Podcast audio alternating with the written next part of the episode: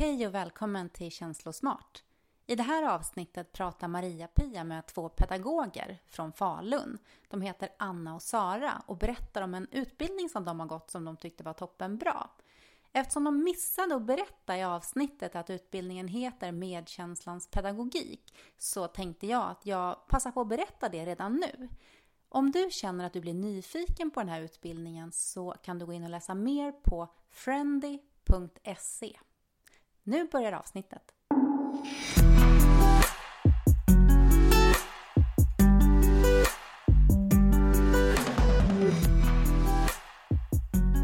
Hej och välkommen till Känslosmart, podden där tanken möter känslan.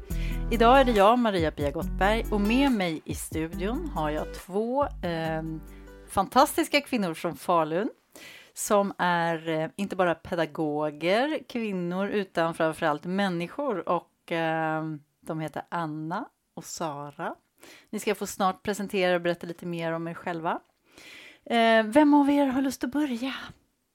Jag heter Sara Redin. Jag jobbar som förskollärare på eh, förskolan Träflaskan i Sundborn.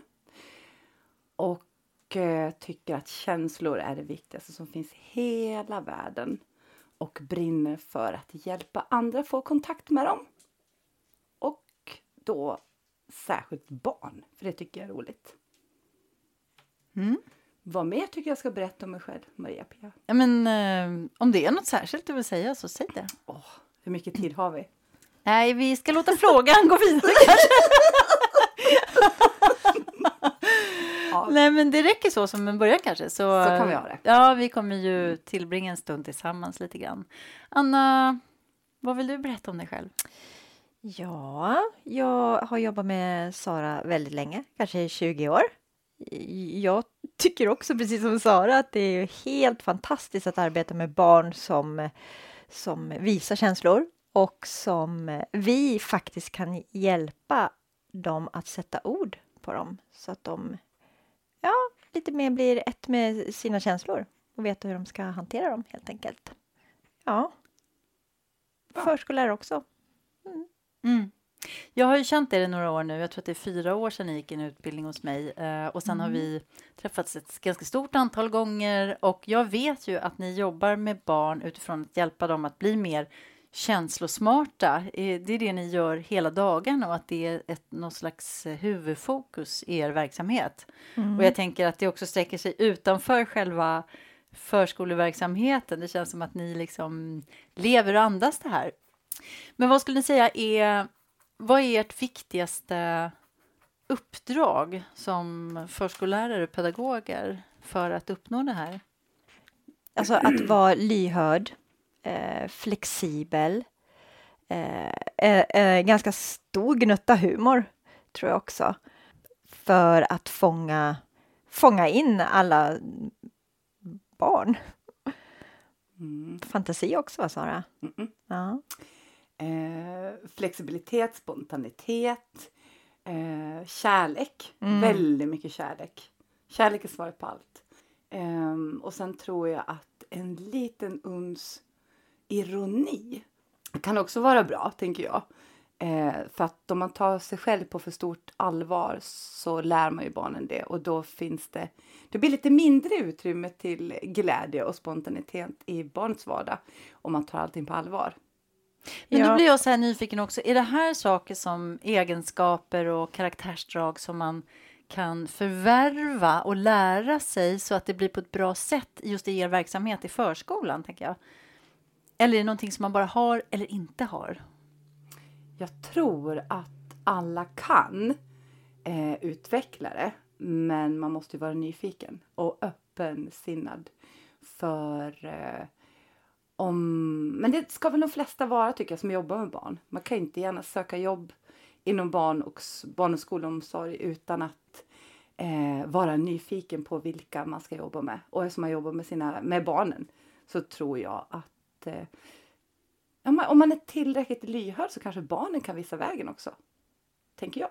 Mm. Mm. Jag tänker också på det här med att skapa liksom, eh, relationella band. Ja. Alltså, gör man det med, med ett litet barn så, så har vi så mycket gratis. Eh, man vet vad de tycker är roligt. Man har frågat dem vad de känner sig glada för eller när de blir glada eller mm. ledsna. Att man får... Ja, men det skapar mycket trygghet när de känner att de kan eh, ja, men beskriva vad de känner helt enkelt. Och att de vågar göra det för att det är en väldigt... Eh, eh, alltså luften är fri, man vågar vara sig själv. Men kan inte ni beskriva hur, hur ser en förskoledag ut? Idag går ju de allra, allra flesta barn i förskolan oavsett om man arbetar i förskolan eller är förälder kanske eller, eller bara alltså, allmänt intresserad och lyssnar på det här poddavsnittet. Så hur, hur ser det ut hos just er? Hur, hur tar ni emot barnen? Eh, hur ser en dag ut? Hur ser det ut när ni skiljs ifrån barnen? Vad är det som gör att, att så här, ni så här, med rakade, rakade ryggar jag men Raka. Att ni, att ni med rak rygg kan stå och säga att ja, men idag har jag bidragit till att eh, göra världen lite mer känslosmart för att. Mm. Jag älskar frågan, jag hugger direkt. Eh, jag tänker så här att väldigt många barn tycker att det är jobbigt att säga hej då till sin mamma och pappa. Och det kan man tycka nästan varje dag, oavsett hur gammal man är, så kan det finnas några sekunder, några minuter där man står och tänker på sin mamma och pappa när de har åkt, eller hur det nu går till. Då kan jag tycka att det är väldigt fint att vi ger dem rätten att få äga sin känsla där i hallen eller ute på gården eller vart man nu säger hej då. Att jag eh, sätter mig bredvid barnet och frågar Vill du ha sällskap nu när det känns lite jobbigt? För man ser ju det, om de gråter eller hur det kan vara. Att jag är nyfiken på hur de känner sig. Är du arg för att mamma har åkt? Känner du dig ledsen för att du ska vara här? Du hade kanske hellre velat vara hemma. Och oftast så får vi ju något form av svar liksom. Och att att jag visar att det inte är farligt. Du får vara här och vara i vilken känsla du vill. Vill ha sällskap så stanna annars så finns jag här borta. Och här lär man ju ha en här lär man kanske vara tydlig med sin omgivning. Om det står ett barn och gråter någonstans så betyder inte det att barnet står där helt övergivet och ensamt, utan det betyder bara att det är ett barn som står där och använder sina rättigheter att äga sin känsla. Det är det som händer och ingenting annat. Och vi tänker nog så här att om barnet får äga sin känsla och börjar dagen bra med att göra klart, då är det liksom utagerat. Då behöver man inte gå omkring och kanske säga dumma saker till sin kompis eller kasta lego eller um, inte vilja komma och sätta sig. För känslan av jobbighet är borta. Lite grann så. Det är vad vi ser att får man vara sin känsla och göra klart den direkt på förmiddagen då försvinner den. Med hjälp av den mm. bekräftande modellen. Mm. Som handlar om att berätta vad man ser och mm. hör och hjälpa barn, hjälpa sig själv att förstå vad barnet upplever precis. genom att kanske sätta ord på, precis som du sa. Om man ser att någon gråter, ja men du, du är ledsen, beror det på att pappa eller mamma har gått och du kanske hellre vill vara hemma. Precis. Ja. Vill du ha sällskap eller? Ja, jag eller tänker motsatsen blir då liksom ifall förälder lämnar eh, barnet och eh, också kanske avleder och säger liksom ja men gå, gå och sparka fotboll, det är roligt eller eh, en pedagog kanske kommer och, och säger att kom vi går och, och tittar på eh, vi har ju lite hink och spade här, vi går och gräver. Då blir det ju liksom precis det som du Sara sa, att barnet får liksom lägga bort de där känslorna fast de ligger där och pockar istället för att få göra klart. Eh, så vi brukar uppmana föräldrar att vara liksom naturligtvis kärleksfulla och, och fina och säga att jag, jag följer med dig hit till förskolan istället för att jag lämnar dig på förskolan. Eh, jag följer med och så ska du ha en helt underbar dag och så, ja, så går jag nu och så får vi kramas sen när jag kommer tillbaks. Liksom. Mm. Det låter eh, som att ni eftersträvar att eh, vårdnadshavaren, föräldern ska vara väldigt tydlig där med att du ska vara här, det är precis som det ska vara ja. och jag kommer tillbaka sen. Precis, för att föräldrar har ju någonstans valt eh, att ha sitt barn på förskolan och då ska ju förälder visa att jag är trygg i det här valet. Jag skulle inte kasta in dig till någon lejongrop utan Mm. här är du med fina människor som tar hand om dig därför att jag vet att det är bäst för dig nu när jag jobbar. Eh, Men tänk om det är så här att jag som förälder upplever att det är en lejongrop. Mm. Hur, hur kan jag tänka då? Vad, vad, vad tar jag vägen med den oron? Alltså det kanske är mycket konflikter, det kanske är barn där som är stökiga, det är, är bråk, det kanske är liksom fysiskt, barn som knuffas, Ja. bits, sparkas, slåss, säger elaka saker. Det är ju inte helt ovanligt. Hur, den Nej. oro som det väcker hos mig som förälder, vad, vad kan jag tänka på då? Ja, alltså vi försöker ju eh, säga till föräldrar att vara med. Vara med oss och se hur vi jobbar. Eh, Fråga oss ifall det är någonting som, som verkar oklart. Och även här tycker jag att eh, prata med ditt barn. Om du har ett barn som är i den åldern så det kan uttrycka sig så liksom använd odömande, öppna, nyfikna frågor. Vad är det som har hänt idag? Hur såg din dag ut? Du verkar ledsen över någonting. Har det hänt någonting? Eh, för barnen har ju alla svaren. Och om jag då som förälder känner mig lite nervös och orolig över men gud vad är det här för ställe? Ja, då måste man ju be om ett samtal i första hand. För det är ju vårt ansvar som pedagoger att bidra till en god stämning mellan vårdnadshavare och förskola. Eh, men vårdnadshavare måste ta sitt ansvar och fråga då och berätta att det här har jag hört. Eh, är det någonting ni känner igen? Kan vi ha en dialog om det? Och vårdnadshavare i sin tur har stort ansvar för hur de pratar om förskolan hemma. Även om man som vårdnadshavare är jätteorolig och kanske väldigt upprörd över något, ta reda på mer. Ta reda på all fakta först. Och tänk på att det du säger om förskolan och barnen där och pedagogerna där, det blir lite tokigt om du skickar dit ditt barn varje dag när du sitter hemma och kanske talar ner förskolan. Det är dubbla signaler som inte är gynnsamt för någon faktiskt. Mycket bättre att ta reda på fakta och eh, är man inte nöjd med de svar man får finns, alla har ju en chef som man kan vända sig till i så fall. ja, och vi tycker ju om när föräldrar engagerar sig och frågar och Ja. är nyfikna på vår, vår verksamhet Mm. och så att vi också kan få en möjlighet att eh, berätta vår upplevelse och hur vi jobbar.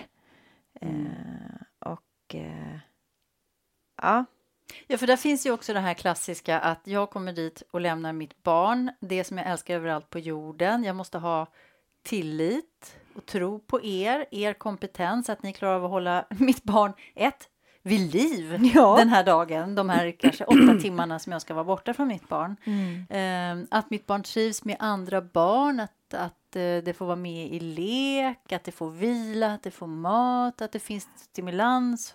Det är så många saker som jag måste känna att jag kan lita på att det här kommer gå vägen. Och det är klart att det är... Man kan känna sig väldigt otrygg i den rollen. Jag tänker att det borde vara alldeles självklart det här med att man har en bra dialog, men det är det ju inte alla gånger. nej. Ibland så, jag som är ute mycket i förskolan eh, och, och träffar personal och även på senare år pratar mycket med föräldrar så kan jag få en känsla av att det är lite vi och dem ibland. När det egentligen borde vara det mest naturliga att samarbeta bra kring barnet. Vad, vad, vad har ni för tankar kring det? Vad, vad är det som gör att det ibland blir lite två världar som barnet står mitt emellan? Jag säger inte att det är så, men att det faktiskt ibland händer ju det. Att det blir... Mm. Men jag skulle nog säga att eh, det kanske är lite, lite okunskap. Att man kanske inte vet tillräckligt mycket och det skapar otrygghet. Men eh, samtidigt så är det så föräldrar idag är väldigt upptagna. Det, det, så är det ju. Man har ju annat att tänka på. Förskolan är ju någonting som bara ska funka helt enkelt. Det ska vara bra, det ska funka. Och det håller jag med om. Men för att det ska funka så krävs det ju ett samarbete. Står också i läroplanen ganska tydligt att eh, förskolan och hemmet ska samarbeta för barnets bästa. Och att man ska ha någon form av röd tråd, det är ju superbra om man kan få till. Men jag tror nyfikenhet, kärlek och frågor och tillgänglighet. Välkommen att hälsa på. Eh, vi har ingenting att dölja liksom. Det, det finns bara kaffe och kärlek och, och glada barn. Och pedagoger. Kaffe, kärlek och glada barn och pedagoger. Det låter ju underbart. Ja. Men hur ser det ut då eh, liksom under, under dagen sen när, när eh, förhoppningsvis så har det här hejdået funkat bra oavsett. Jag är ledsen när min eh, mamma eller pappa ska gå eh, och att jag får vara ledsen färdigt. Och sen, hur jobbar ni vidare då på det här liksom att stärka det, det känslosmarta hos individen och hos gruppen tänker jag? Ja, men du Sara, du har ju en sån himla fin liten eh, berättelse om ett litet barn som ja, men som skulle just säga hej då och då Ah. tänker man så här att oj, oj, oj, det den här dagen kanske blir väldigt tuff för det här barnet om man Mm. inte får ta hand om sina känslor. Mm. Men hos oss då så får man ju ta hand om sina känslor. Ja, hur, sånt. hur gjorde du? ja, men just det. Jag tror jag vet vilken situation du menar. Ja. Eh, jo, men det var en liten flicka som skulle säga hej då till sin mamma. Och det var någonting denna morgon, för hon var väldigt, väldigt ledsen, väldigt, väldigt upprörd.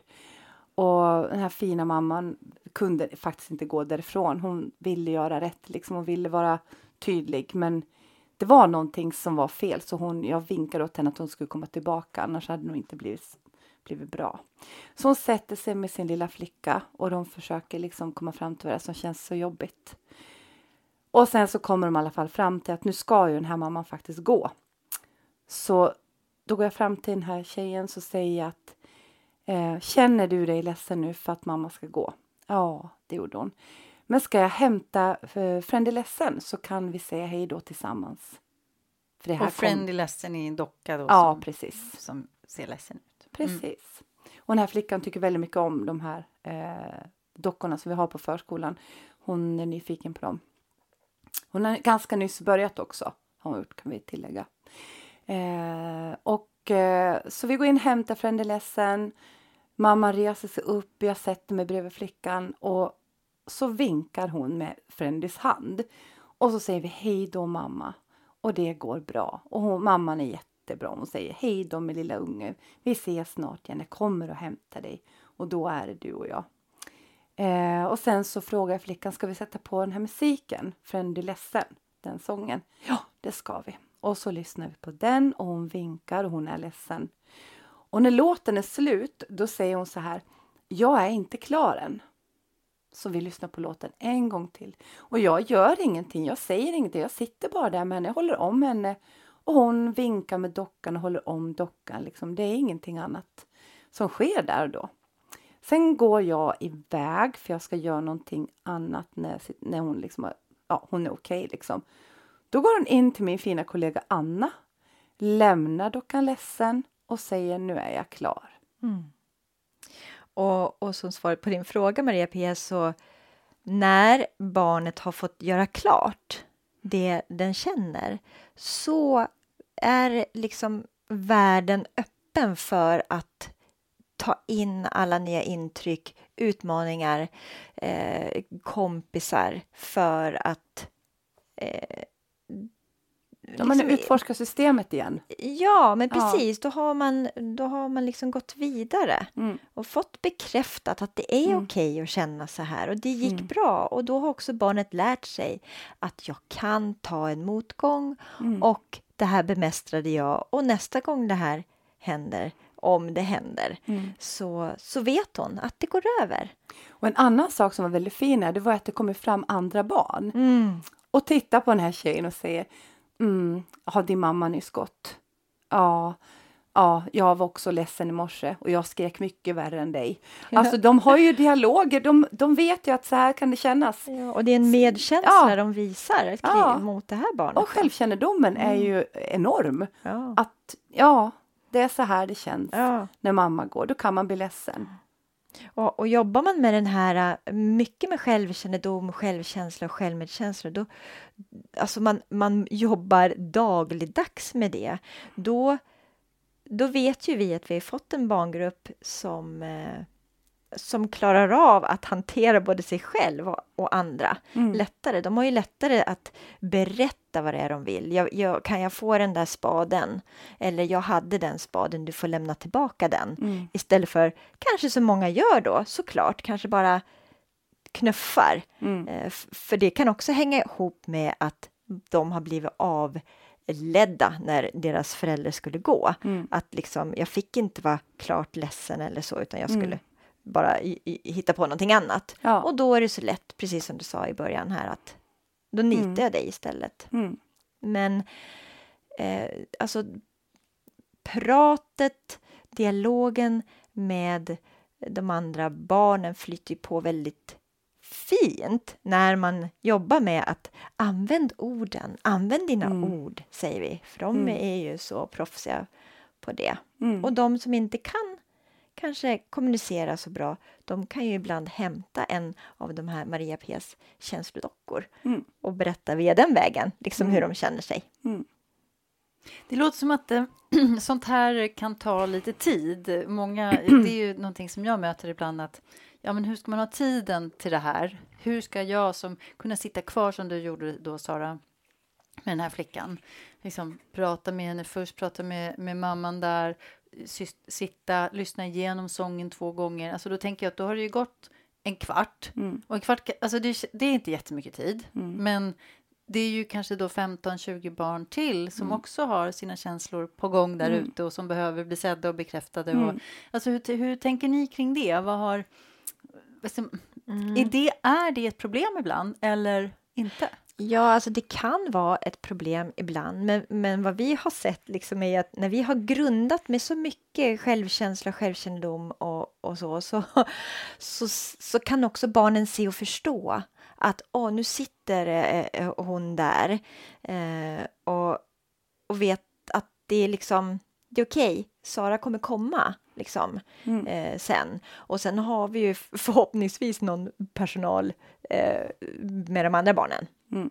Så, och vi som jobbar tillsammans måste ju vara som sagt lyhörda och se att okej, nu, nu kanske inte vi kunde dra iväg exakt klockan kvart över nio därför att det här hände. Så då behöver vi ha stor förståelse för att det här kommer ta tid. Vi får ge det tid för det är viktigt. Och Ja, då säger vi det till de andra barnen också. Att Åh, nu hon, eh, ser hon verkar ledsen liksom. Och, eh, så det får ta tid. Ja, och det köper barnen. Jag skulle säga att det är en investering av dagen också. För det väl, finns väl ingen vinst att skynda på det här. Nej. Det är väl lika bra att låta det ta tid. För den här flickan är ju ändå ledsen. Det går ju inte att skynda på det utan det är väl låt, låt henne ta den Skynda tid. nu ska vi gå på utflykt. Ja, gråt klart nu, måste gå nu. Nej, men sen så tycker jag också att vi är väldigt bra på, jag tror det är en framgångsfaktor, att vi säger ju till de andra barnen att ehm, oj, oj, vet ni vad, titta, nu är det någon som är ledsen där borta, kan ni gå och kolla vad det är som har hänt? Kan du vara snäll och kolla om du kan hjälpa henne eller honom? Att man på det, för det första liksom inte gör så stor sak av det hela, utan att känslor är ju någonting som finns i hela verksamheten varje dag, hela tiden. Och det går bra. Det går alldeles utmärkt att känna precis vad du vill. Du kan inte bete dig hur du vill. Det är inte okej. Och där kommer vi in i, i ett sammanhang där vi, jag skulle inte säga att vi reglerar eh, känslor, men vi reglerar beteende kanske. Vad får du göra när du känner så här? Eh, och faktum är ju att eh, just ledsen, vi tar den känslan, det får man ju såklart vara när man blir det. Men det kan också vara skönt att veta vad kan jag göra när jag känner mig så här ledsen? För egentligen så är det inte så konstigt om om jag som vuxen är ledsen så går jag inte till, jag åker inte till Ikea och gråter ut bland möblerna där eller går på Ica Maxi och pratar med dem i charkdisken om hur jag mår utan jag gör ju klart min känsla. Sen så åker jag och handlar om jag tror att jag klarar av det. Det är samma sak här. Varför ska vi förvänta oss att barn ska gå runt och grina och gråta och skrika och vara förtvivlade i en barngrupp för att de måste skynda sig och göra klart sin känsla? Det finns väl ingen anledning, Nej. utan det är en investering av dagen.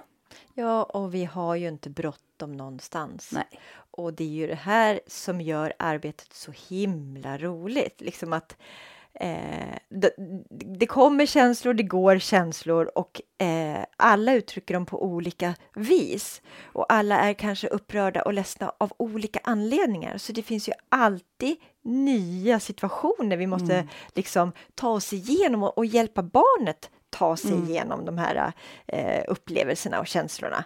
Och, och deras kompisar kan ju verkligen de är ju med i det här också och Mm. kan bidra. Hämta ett plåster kanske och visa medkänsla. Liksom. Mm. Så det Men är vad väldigt fint. händer om ni har fått in ett tillfällig eller någon, eh, en kollega som inte alls jobbar på det här viset, som inte gör de här valen? Alltså hur, hur gör man då? Jag tänker att det måste vara jättevanligt, oavsett egentligen, att, att man har olika fokus, olika ja, sätt att tänka, olika förhållningssätt där. Och jag tänker att det gäller precis lika mycket hemma, om jag har, man lever ihop med en partner, att man kan det är lika mycket på hemmaplan, tänker jag. Mm. Jag tror att eh, vi har nog, vi har nog gett, vi som jobbar på, på träflaskan har nog gett oss själva tolkningsföreträde att berätta hur vi arbetar. Eh, och sen beror det på vilken person det är som kommer, vad den personen har med sig och vad den personen är intresserad av, vad den personen brinner för. För alla är ju bra på något och det är ju faktiskt väldigt geschwint att låta folk göra det de är bra på istället för att tvinga alla att göra exakt samma sak. Eh, för det ju, funkar ju inte så bra kan jag säga. Nej, alla är ju olika. Precis. Liksom. Mm. Men just det här, barns rätt att få äga sin känsla, det är ju någonting som är väldigt centralt på träflaskan. Eh, och där behöver vi vara, jag gissar att det är jag och Anna och de, de kollegor vi haft länge som måste visa vägen, som måste visa hur man kan göra och visa på det, blir bra. Mm. Och Lita sätta ord till på det. det. Ja, men att vi Mm. också sätter ord på det. Varför vi gör så här. Nu, nu gör jag så här. Nu stannar jag kvar här därför att. Mm. Och, och så ehm, försöker vi liksom prata om det som hände och varför jag gjorde si eller Mm. så. Eh, försöka ha en, en eh, öppen dialog. Kan vi säga att vi måste lita på varandra? Ja. Jag måste ju lita på, på dig, Anna, att om du går någonstans eh, och jag blir själv med 15 barn så finns det synnerligen goda skäl till det. Jag måste ju känna mig helt trygg i att du gör någonting som är bra och viktigt och riktigt för verksamheten. Jag måste ju inte springa och kolla dig då, utan Nej. då är ju du där du är Ja. och jag måste lita på dig. Likväl som om jag försvinner så är ju det för att det finns skäl till det. Jag har gjort en bedömning och det måste vara min bedömning som gäller. Annars så blir det inte trovärdigt. Nej. Och att, vi- att vi visar att vi vill väl. Ja, det Eh. måste ju vara en grund. Och jag tänker också, liksom. nu känner jag ju er och er verksamhet och har varit hos er flera gånger och så där. Jag tänker att ni har ju också väldigt stort stöd ifrån er rektor Mm. och att det finns, att, att det finns ett, eh, ett ledarskap där man prioriterar det här och att ni, både ni och eh, alla era kollegor i hela det här eh, förskoleområdet som ni jobbar i har ju Mm. fått fortbildning kontinuerligt under de här åren. Bland annat genom att jag har kommit upp och haft föreläsningar och vi har gjort övningar och vi har vänt och vridit på de här frågorna en hel del. Eh, vad skulle ni vilja skicka ut till de som kanske jobbar i förskola och lyssnar på det här och känner att så här skulle jag också vilja jobba, men det finns inget stöd. Var, vilken ände börjar man? Har ni någon tanke om det? Det är ju svårt, svårt förstås. Man men- får flytta till Sumbon då. Ja, det var enkelt. Ja. Ja.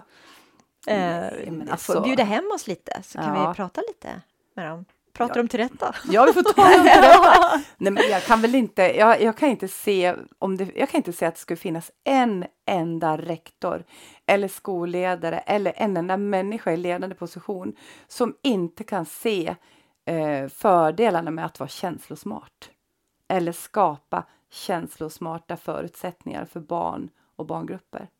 I så fall så kan de faktiskt sälja parfym på Lens istället.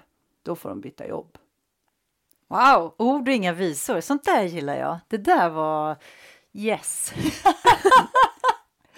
ja. Och man kan sälja parfym på Åhléns och vara känslosmart också. Absolut, Ja. men kanske inte tillsammans i en barngrupp, tänker jag. Nej. Om man inte vill att barnen ska utveckla ett rikt känsloliv och lära sig ta ansvar för det, då kanske man är på fel plats, tänker jag. Mm. Men är det möjligt att också lite mer så här på egen hand, om man nu inte har en, en, en, en chef som prioriterar det här i form av att man får fortbildning och handledning och hjälp och stöd i den här processen, för det kan ju vara så här att Ja, det här låter ju fantastiskt. Går det att få såna här barngrupper? Går det att ha det här förhållningssättet och stötta barn? Vad, vad, vad kan jag börja? Vad kan jag börja i det lilla? Mm, men jag älskar att du frågar det. jag har ett svar på den. Man kan söka en fond. Kan Ja. göra? Ja, då måste jag berätta för dig som lys- måste jag berätta för dig som lyssnar hur det gick till första gången jag hörde av Anna och Sara. Då var, då var ju Sara som ringde tror jag och eh, bubblade i mitt öra om, och ville gå den här utbildningen. Och jag ska söka en fond för det här. Och det gjorde du du fick pengar. Mm, Mm. Vill du säga namnet på fonden också? absolut, men jag har glömt det. Ingemar. Ingemar Ingmarssons fond, så var det. Tack Ja. Anna. Gud vad du kan tänka bra. Eh, Ingmar Ingmarssons fond och de har verkligen trott på oss.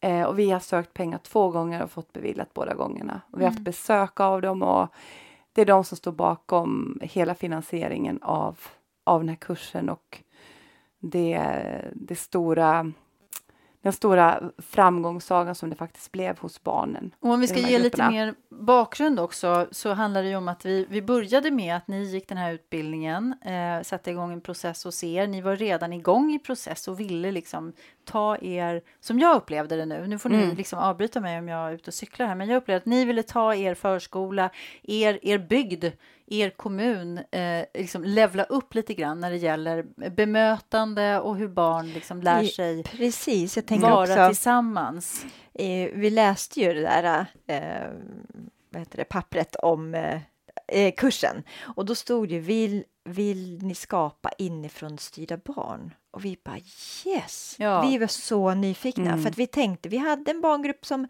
som var lite svajig. Vi Mm. hade inte riktigt verktygen liksom. Vi visste inte hur vi skulle göra. Så då, Vi hade provat allt. Ja, vi tyckte Ja. det. Och, och inifrån styrda barn och tänka själv och sätta ord på det man känner istället för att slåss och, och så tyckte vi lät ju magisk. Och sen, det blev så Sara. Efter två veckor, Mm. eller efter vi hade varit på kursen, Mm. Då vände, vände vi den här allt. barngruppen. Ja, det kommer jag ihåg. Det var så fascinerande att Ja. höra hur vilka... Och, och det, är faktiskt inte första gången jag hör det, Mm. men att det går ganska fort att vända skutan, Ja. även om det kan kännas hopplöst. Mm. Men, men ni stannade ju inte där utan, eh, genom att bara liksom, ha, ta emot det som ni fick av kursen och så gick jag hem och så slog Mm. ni upp sidan 32 och gjorde det, utan ni började ju skapa vidare på det material som finns. Och den bok vi pratar om, det är, det är min bok eh, Medkänslans pedagogik som riktar sig Ja, till personal i Mycket bra förskolan. bok by the way. Ja, tack, Mm. tack. Riktigt Nej, bra. men det, ni har ju vidareutvecklat där. Där, där, har, där. I boken så utgår jag från modellen som jag kallar för pyramidmodellen där basen i den här pyramiden är ju självkännedom, självmedkänsla och självkänsla. Mm. Och ett steg upp så handlar det om empati och medkänsla. Nästa nivå är ju ansvarsfull kommunikation, Mm. Att kunna skapa och bevara goda relationer och högst upp i toppen problem och konflikthantering. Mm. där pyramidens form också visar att lägger man krut till basen här, precis det som ni har pratat om hela den här halvtimmen vi har pratat nu, just att ge barn självkännedom och kunna självreglera, sätta ord på sina känslor, så uppstår ju den här empati och medkänslan. Och då blir det inte så mycket tid och energi kvar i toppen på pyramiden, det vill säga till att rodda runt bland problem och konflikter. Mm. Men ni stannade ju inte vid den pyramiden utan ni har gjort också en eh, översatt den här liksom i konkreta handlingar. Ni har gjort en pedagogpyramid Mm. eh, som handlar om hur pedagogerna eh, kan jobba med det här på individnivå och Yes. tillsammans. Mm. Och sen har vi också Ja, era chefer har gått utbildning hos mig så att Mm. de är inne i en större helhet i det här och också föräldrarna för att det insåg vi ju tidigt att föräldrarna behöver ju bjudas in i det här arbetet Mm. så då har Ja. även vårdnadshavarna håller på att få sin egen pyramid. Mm. Alltså det är en bra form att jobba med och, det, Mm. och sen är det ganska roligt att ert förskoleområden då att ni kallar er för triaden, att det också är den här tre Ja, så Ja. att de här pyramiderna vi har skapat tillsammans här ryms ju i eh, begreppet triaden också. Ja. Och det är ju vad en förskola är. Ja. Vårdnadshavare, rektorer, barn och pedagoger. Mm. ja. Mm. Alla Så- behövs för att det ska vara en förskola. Absolut, och Mm. alla behöver eh, få existera utifrån sina villkor och sina eh, möjligheter, tänker jag. Och, det, Mm. och att ni har sett det här verkligen, the big picture, Mm. eh, det, det tror jag har gjort det här så framgångsrikt Mm. eh, som det har blivit. För det har ju verkligen hänt jättemycket. Ja. Mm. Inte bara i er barngrupp, utan också det håller verkligen på att växa i, Ja. I andra delar av Falun också, om jag har förstått det rätt. Många är nyfikna på det här arbetet. Ja, absolut. Och inte bara i Falun, utan det är ju... Vi har ju varit i Sundsvall, vi har varit eh, inte varit i Borås, men vi har haft kontakt med en förskola i Borås. Min systers flickors förskola. Ehm, så, så det är ju många som är intresserade. Och det är väl klart. Det är ju en rörig värld vi lever i. Det är klart att den syns på förskolan, speciellt i dessa tider då personalbortfall och folk är sjuka och det finns en allmän oro. Så det är väl klart att det här, att få höra talas om någonting som, som verkligen funkar är ju fantastiskt. Och, och det, vi, det vi märkte, det var att eh, vi testade att att bekräfta, Mm. liksom inte sudda bort det här jobbiga som barnet Nej. kände, utan vi, vi liksom var det någon som sa att ja, jag, jag längtar efter mamma. Ja, det gör du. Mm. Eller jag vill inte gå ut. Nej, det vill du inte. Nej. Så det, var, det, liksom, det var inte Var svårare det än en, så. en nyckel som gjorde att ni började liksom, aha, Ja, det var, Var det en en- vänd, vändpunkt därför att barnen nöjde sig med det. Ja. Oftast nöjde de sig med att ah, det är bara någon som lyssnar och jag ville bara berätta det här ja. och få det bekräftat. För det blir ju ingen trigger heller för att Nej. om man då inte Nej men nu längtar jag efter mamma, ja men så kan det vara mamma måste åka och jobba och mamma måste tjäna pengar och mamma måste köpa mat och mamma måste köpa kläder och leksaker. V- vem bryr sig om det? Ja, jag längtade längtar efter bara mamma. ja, Ja, det är någon som lyssnar, ja. någon som eh, liksom tycker att jag är viktig att lyssna på. Mm. För vad blir motsatsen då? Om man istället då kommer med de här vuxenargumenten, varför mamma inte kan vara här nu. Eh, vad, vad har ni sett där? Vad, vad händer med barn som inte får den här bekräftelsen? Ja, men du sa ju Sara, triggern, alltså då, då blir det ju, då vill de ju opponera sig, då vill de ju Mm. tycka, eh, tycka någonting, de vill ju liksom Då vill de eh, bestämma slå och bakut tycka. och Ja. liksom slänga stövlar Ja. eller liksom, det är ingen som lyssnar på mig så att jag måste ju göra något av min förstådda. frustration Ja. liksom. Det var det som du gjorde där Anna. Man förstår. Ja, du längtar efter Mm. mamma. Ja. Vi kan ändå inte göra någonting åt det. Vi kan inte åka och hämta mamman. Nej. Här får du mamman. Mm. Utan det är ju som det är. Som det är. Din mamma har lämnat dig här nu, Mm. lille vän. Om du har tur blir du hämtad igen, men det vet man inte. det är liksom- Skojar Sara, måste jag säga. Så här, eh, annars får man gå ut och varna känsliga lyssnare. Men jag sa ju att ironi var bra. Ja. Eh, så jag, just det här med bekräfta. Sen så Anna, jag tänker på en grej som du gjorde som jag tycker är så, det ska du ta patent på tycker jag. Så. Den här, eh, det har ju förmodligen, det är också ett bekräftande för barnet, för barnet att hur stort och viktigt det egentligen är. Eh, den här eh, lilla flickan, tror jag, spelar ingen roll, lilla barnet som kom och sa till dig, ja, Pelle vill inte leka med mig. Och då svarar du Anna. Mm. Då sa jag så här, nej. Nej, det vill han inte alltså. Mm. Vad synd om honom som inte vill leka med dig. För du är ju en helt fantastisk person. Och vilken tur! Då kan ju du gå och leka med dig själv.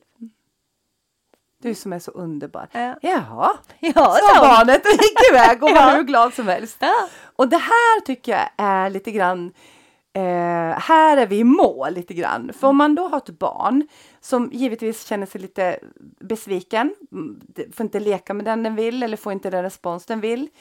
Eh, och ändå känna sig, ja men just det, jag är ju så förbaskat bra som jag är. Jag är så jag behöver ju ingen annan för att bekräfta min egen storhet. Nej, och att hjälpa sig själv och ha det bra. Ja.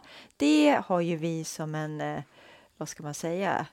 Mantra nästan. Ja, ett mantra. Liksom. Ja. Just den självmedkänslan, jag ska vara snäll med mig själv. Och innebär det att jag hjälper mig själv att ha det bra att skicka mjölken till min kompis, Mm. då ser ju den här kompisen att jag är väldigt, väldigt snäll person. Ja. Och då är cirkeln sluten. Mm. Man hjälper sig själv att ha det bra och man kan inte lägga ansvaret på någon annan för att jag ska ha det bra. Nej. Jag måste göra det själv. Mm. Då vill jag passa på att flika in, för ett par år sedan var det väl så jag hälsade på på er förskola Mm. och var med på frukosten. Och jag har ju jag har besökt väldigt många förskolor ehm, och jag har aldrig varit på en plats där det har varit så lugnt och harmoniskt. Det var liksom en, en ja, men, en helt fantastisk känsla att sitta här i den här barngruppen och äta frukost och hur de verkligen, som du säger, så här, skickar mjölken till varandra, Mm. ber om hjälp när de behövde hjälp. Mm. Sen var det väl någon, något barn som var nere, som hade ätit klart och gått ner på golvet och höjde rösten lite grann sådär. Och då minns jag att jag såg att du, Anna, gick fram och satte dig på huk och liksom viskande pratade med det här barnet Mm. som, som då fick hjälp att bli påmind om att ja, men just det, nu när vi äter så, Mm. så vill vi ha en lugn och f- harmonisk Mm. stund och miljö. Det var, allting var så, så fridfullt. Mm. Och det är inte säkert att alla som har varit inne på en förskola skulle beskriva miljön som fridfull. Så. Nej. Nej. Men innan vi eh, rundar av så tänkte jag så här. Det sitter ju säkert föräldrar där ute och lyssnar på det här och, och blir jättenyfikna och undrar varför jobbar inte min förskola så här? eh, och eh, det handlar, här handlar egentligen inte om att man ska skicka sina barn till förskolan och få det här fixat, utan de allra viktigaste personerna är ju barnets föräldrar förstås. Ni i Mm. förskolan är ju oerhört viktiga skulle jag säga. Jätte, jätteviktiga för att barnet är där många, många timmar ofta. Eh, men vad, vad skulle ni vilja skicka med föräldrar? Hur kan jag tänka? Vad, vad kan jag liksom... Om jag nu inte är så van med det här med att stanna upp och ge mitt barn bekräftelse istället för att liksom... Ja, alltså de Mm. flesta föräldrar idag tänker jag är hyfsat medvetna om det här och att man gör väldigt mycket bra saker men ändå så kan det bli att nej, stressen och det här tar över och det är bråttom hit och dit och det är lämna och hämta och handla och fixa och aktiviteter och det är lätt att man faller in i gamla hjulspår Mm. där man istället för att ja, du är jättearg nu. Ja, jag hör att du är jätteledsen nu. Mm. Säg något annat som kanske klipper lite kommunikationen. Ja. Hur, hur kan man tänka? Hur kan man... Ja, alltså man kan ju tänka på hur man försöka tänka på hur man själv som vårdnadshavare kommunicerar. Därför att om du kommunicerar Eh, där det, ditt kroppsspråk och din röst och dina ögon talar samma språk, då känner barnet att det du säger, det menar du. Och att eh, då får vara det här lilla barnet i den här eh, lilla boxarringen som vi brukar säga, eh, där, där barnet får studsa fram och tillbaka mjukt, eh, till slut kan lita på där det vårdnadshavaren säger. Eh, det tycker jag är ett ganska klokt råd. Eh, för det Men vad skapar krävs trygghet. då för ja. att man ska liksom kommunicera så där kongruent som du pratar om? Att det jag säger och det jag gör, mitt kroppsspråk min röst säger samma sak. Alltså om jag är så här, "Ah, Mm. vad, vad, vad, liksom, vad kan jag göra själv för att det ska bli så? Det är mycket retorik. Mycket retorik är det. Eh, en förälder kommer och ska hämta, jag har ett exempel. Jag gör om det lite för att uh, snygga till det lite så. En förälder kommer och hämtar sitt barn. Barnet kommer och springer. Jag vill leka för att ta med en kompis hem. Föräldern svarar. Men vi ska handla mat. Jag vill leka, jag vill leka, jag vill leka. Men du är så trött efter förskolan. Barnet vill ju bara ha ett svar. Barnet frågade inte för att veta att eh, hen skulle gå och handla eller bli påmind om att den var trött. Den ville ha ett ja eller ett nej. Ett nej kanske hade inneburit en besvikelse, men det är ju inte farligt har vi kommit överens om. Det är okej att vara både arg och ledsen, så det går bra. Och då tycker jag att ett trovärdigt eh, föräldraskap, där hade varit ett nej. Det passar inte idag. Men det var roligt att höra att du vill ta med en vän hem. Vi kan ta kort på telefonnumret så kan vi kanske ringa en annan dag. Det tycker jag är ett tydligt föräldraskap. Eh, och sen tror jag också att eh, vara nyfiken på ditt barns dag. Eh, fråga gärna mer saker än om ditt barn har ätit och bajsat och sovit. Fråga gärna oss om det finns någonting speciellt vi jobbar med som föräldrarna kan hålla på med lite hemma. Eh, fråga ditt barn, hur har din dag varit? Fråga inte, har din dag varit bra? Nej, man kan också fråga vad har du skrattat åt idag? Ja. Eller har du hjälpt en vän Mm. idag? På vilket sätt gjorde du det och varför? Ja, var nyfiken. Ja, och att det är vå- fint. vårdnadshavaren också delar sin dag. Mm det var också ett fint exempel. Det var en pappa och hans eh, dotter satt och pratade. Och så frågade hon honom, har du varit ledsen idag pappa? Ja, det har jag faktiskt, sa pappan. Så berättade han om en kollega som hade gått i pension. Att de hade tyckt att det hade varit jobbigt och sagt hej då till kollegan.